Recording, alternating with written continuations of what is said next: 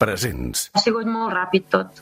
Clar, és que qui m'havia de dir a mi que fa tres mesos que em passaria això. I és un xoc, és un xoc.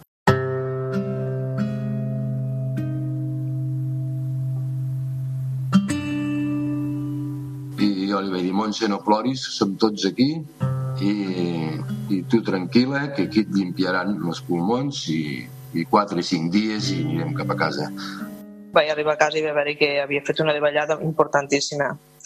Jo suposo i crec que em va esperar. I encara que tinc que fer encara que tinc que fer hi ha coses que me les pregunto, no? I, i esclar, i aquesta és una, no? Per què, pobra Montse, no? I, bueno, pues, sorprenentment eh, ens truquen un dissabte al matí a les 9 i mitja de la residència i ens diuen que la meva àvia s'ha mort. A les 10 del matí l'estava rentant, a les 6 de la, tarda, de la tarda ja l'estàvem enterrant, vull dir, va ser tot molt, molt accelerat.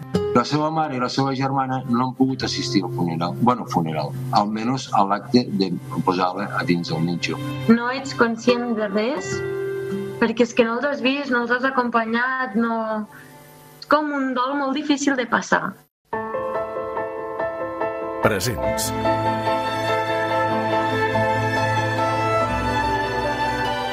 Soc la Carola Soler i això és Presents, un homenatge als absents.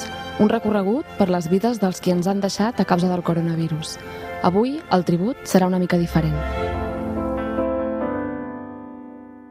Bueno, jo sóc la Núria Boncomte, sóc de Castellxerà. Hola, el meu nom és Josep Sala, sóc de Mollerussa, Pla d'Urgell. Em dic Eva, sóc infermera i bé, treballo des de fa 30 anys en un hospital amb, atenent pacients amb terminals. La Núria, el Josep i l'Eva no es coneixen de res, però el dissabte 9 de maig van estar junts a un acte important per tots ells. Bé, més que junts, units, connectats, cadascú amb el seu telèfon a la mà. Bona tarda a tots. Puntuals, gràcies. Gràcies per connectar-vos. Durant setmanes, mesos, les esqueles als diaris acabaven pràcticament igual, amb una frase molt similar. Deia, la cerimònia celebrarà quan les circumstàncies sanitàries ho permetin, o celebrarem una cerimònia de comiat més endavant. Hem donat 5 minuts de marge perquè hi hagi el màxim de gent possible. Hi haurà interferències segurament, els directes, i més per l'Insta, té aquestes coses. Però bueno, es fa amb gratitud i, i molta humilitat. Durant setmanes, mesos, milers de persones han mort soles, sense que les seves famílies les poguessin pràcticament acomiadar, sense cap cerimònia que pogués reunir amics i familiars per honrar a qui acabava de marxar, per marcar d'alguna forma el punt i final. No hem pogut acomiadar els nostres éssers estimats com es mereixien. Pobles sencers estan trencats de dolor. Famílies desolades, als funerals i a les vetlles és on junts, d'alguna manera, prenem consciència que la mort és real i procurem acompanyar, com es diu, a les famílies en el sentiment. Si ho pensem bé, els funerals són, sobretot, un ritual pels qui es queden. Un ritual que ajuda a consolar, a començar el dol. Com es podia suplir aquest buit en els moments més durs de la pandèmia? Des de les Terres de Lleida, el dissabte 9 de maig, es va intentar aportar un granet de sorra. Avui volem retre un homenatge col·lectiu on tothom pot sentir-se identificat i l'hem mirat de fer amb molt d'amor i molta humilitat. Desitgem que us calmi una mica el dolor i us ajudi a donar-vos permís per alliberar sentiments. Unes 30 famílies, moltes separades, confinades a diferents ciutats i pobles, van dir adeu juntes als seus sers estimats en una cerimònia col·lectiva feta a través d'Instagram. La majoria eren víctimes del coronavirus. Va ser un acte inèdit, organitzat per agraïments, una entitat especialitzada en oferir comiats personalitzats.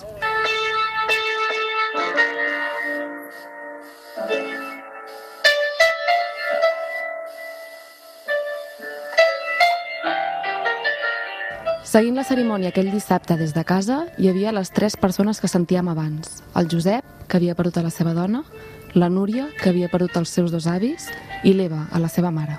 I ho vam fer. Ho van fer un dissabte a la tarda, a les 5 de la tarda, estàvem tots connectats. Eh, hi havia, si no m'equivoco, 32 famílies afectades, comptant-me a mi. i, i aquí en directe es va fer una cerimònia laica molt fineta, molt bonic, molt emotiva. I ens allí te n'adones de la magnitud, de la mà de famílies que hi ha darrere que han patit això i doncs és molt emotiu, molt emotiu.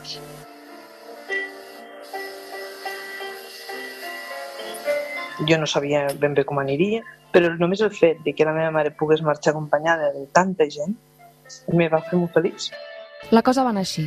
La mestra de cerimònies, la Remei Capitan, la que anàvem sentint de fons donant la benvinguda a les famílies, va ser la que ho va dirigir tot. Era la que anava donant pas als músics, en total 11, connectats cadascú des de casa seva. I entre cançó i cançó, ella anava llegint unes paraules dedicades a diferents membres de la família. Avi, on eres? Vaig mirar dins i ja no t'hi vaig veure. L'hort quedarà erm sense tu, igual que els nostres cors. La idea era que tothom pogués veure reflexat. Aquest tros, per exemple, va tocar especialment a la Núria.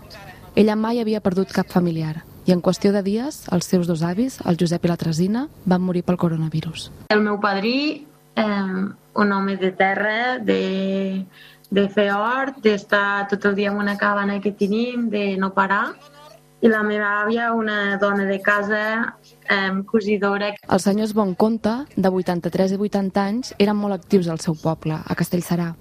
El Josep era un aficionat de les bitlles i la Tresina ajudava a organitzar festes com la del bandoler. Això quan estaven més bé. Ara feia un temps que vivien a una residència.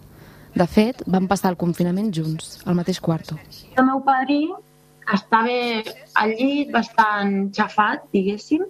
Sí que estava xafat, ens deia que li feien molt mal les cames, però ella pel telèfon pues, ens explicava que plegava roba i la desplegava, eh, feia ganxet, Va ser una sorpresa per la família de la Núria que la seva àvia, la Tresina, morís de cop, un dissabte. La meva àvia es mor a les 9 i mitja i a la 1 ja l'enterrem al cementiri, a porta tancada, amb poquíssims familiars, només els dos fills i el, el que som nosaltres.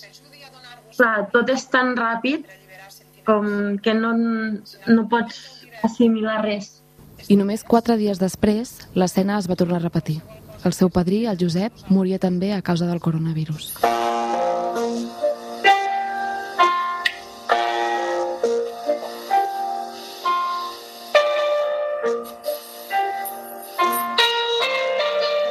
Jo he conviscut amb la mort sempre, no, no meva, no de, de la meva família, per sort, fins ara, però sempre.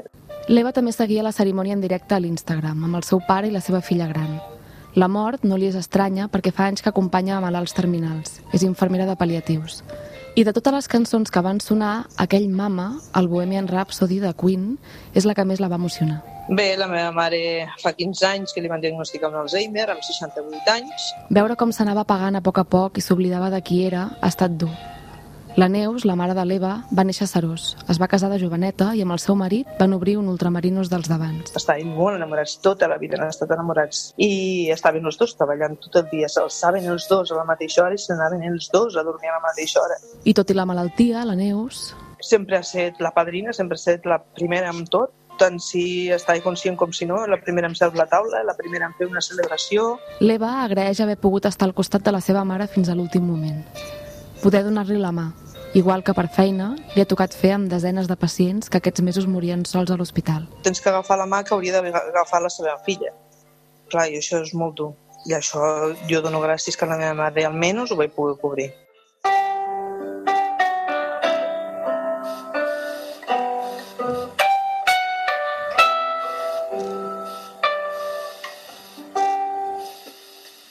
Moltes gràcies, Anna. Espectacular. Gràcies de debò. Fins ara. Tant de bo pogués pal·liar-te el dolor. La cerimònia col·lectiva seguia, entre els parlaments de la Remei i connexions en viu amb els músics. I al final, al final es va fer un vídeo en directe, mm, en aquest cas d'una una, una altra col·laboradora de la Remei, que es va fer des de Trem. El Josep recorda la sorpresa final que van tenir les famílies. Havien guarnit una olivera amb punts de llibre, un punt per cada difunt, amb una fotografia i una breu ressenya. L'olivera estava plena. I allí va penjar, va penjar les fotos, les fotos de tots els difunts que fèiem la, la cerimònia aquell dia. Entre aquestes hi havia la Montserrat, La frase que acompanyava la foto de la dona del Josep era aquesta. un àngel que se n'ha anat al cel.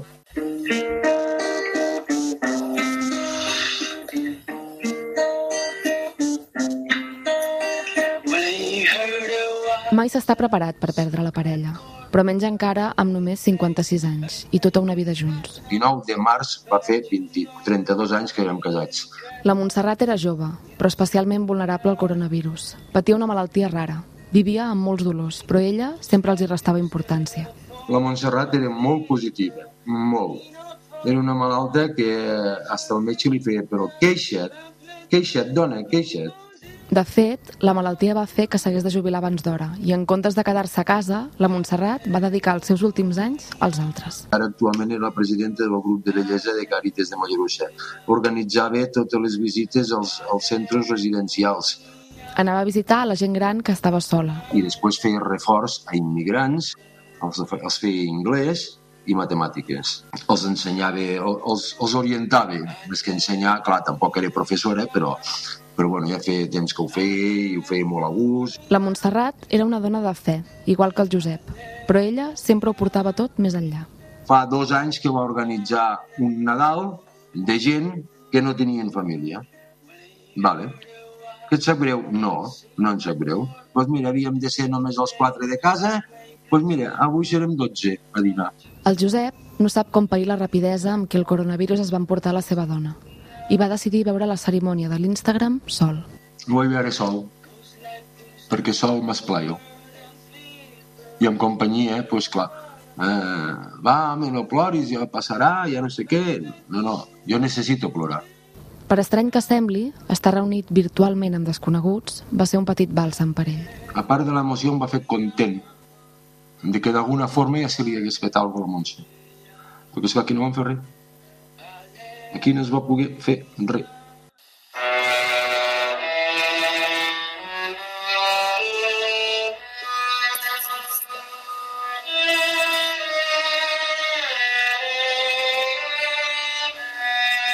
La cerimònia virtual estava pensada com una iniciativa petita, però la van seguir quasi 400 persones en directe. Al cap d'una hora, el temps límit que dona l'Instagram es va acabar. Qui sap si va ser la primera de moltes. Tots els que us heu pogut connectar i els que no, i éreu des de casa, moltíssimes gràcies de debò, moltíssimes gràcies, amb tot el carinyo l'hem fet, tota la humilitat i l'amor. No sé si he pogut arribar a, molts llocs, si, si, és, si hem traslladat el que volíem, però la intenció era aquesta.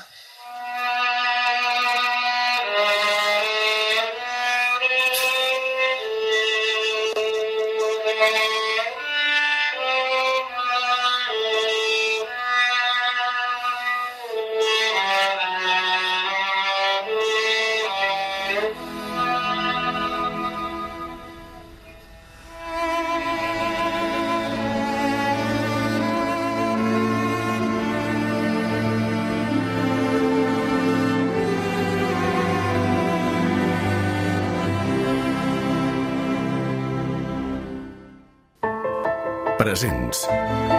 Un homenatge als absents és un podcast original de Catalunya Ràdio. Direcció, guió, producció i narració, Carola Soler. Muntatge tècnic, Matilde Seoane. Producció executiva, Albert Segura.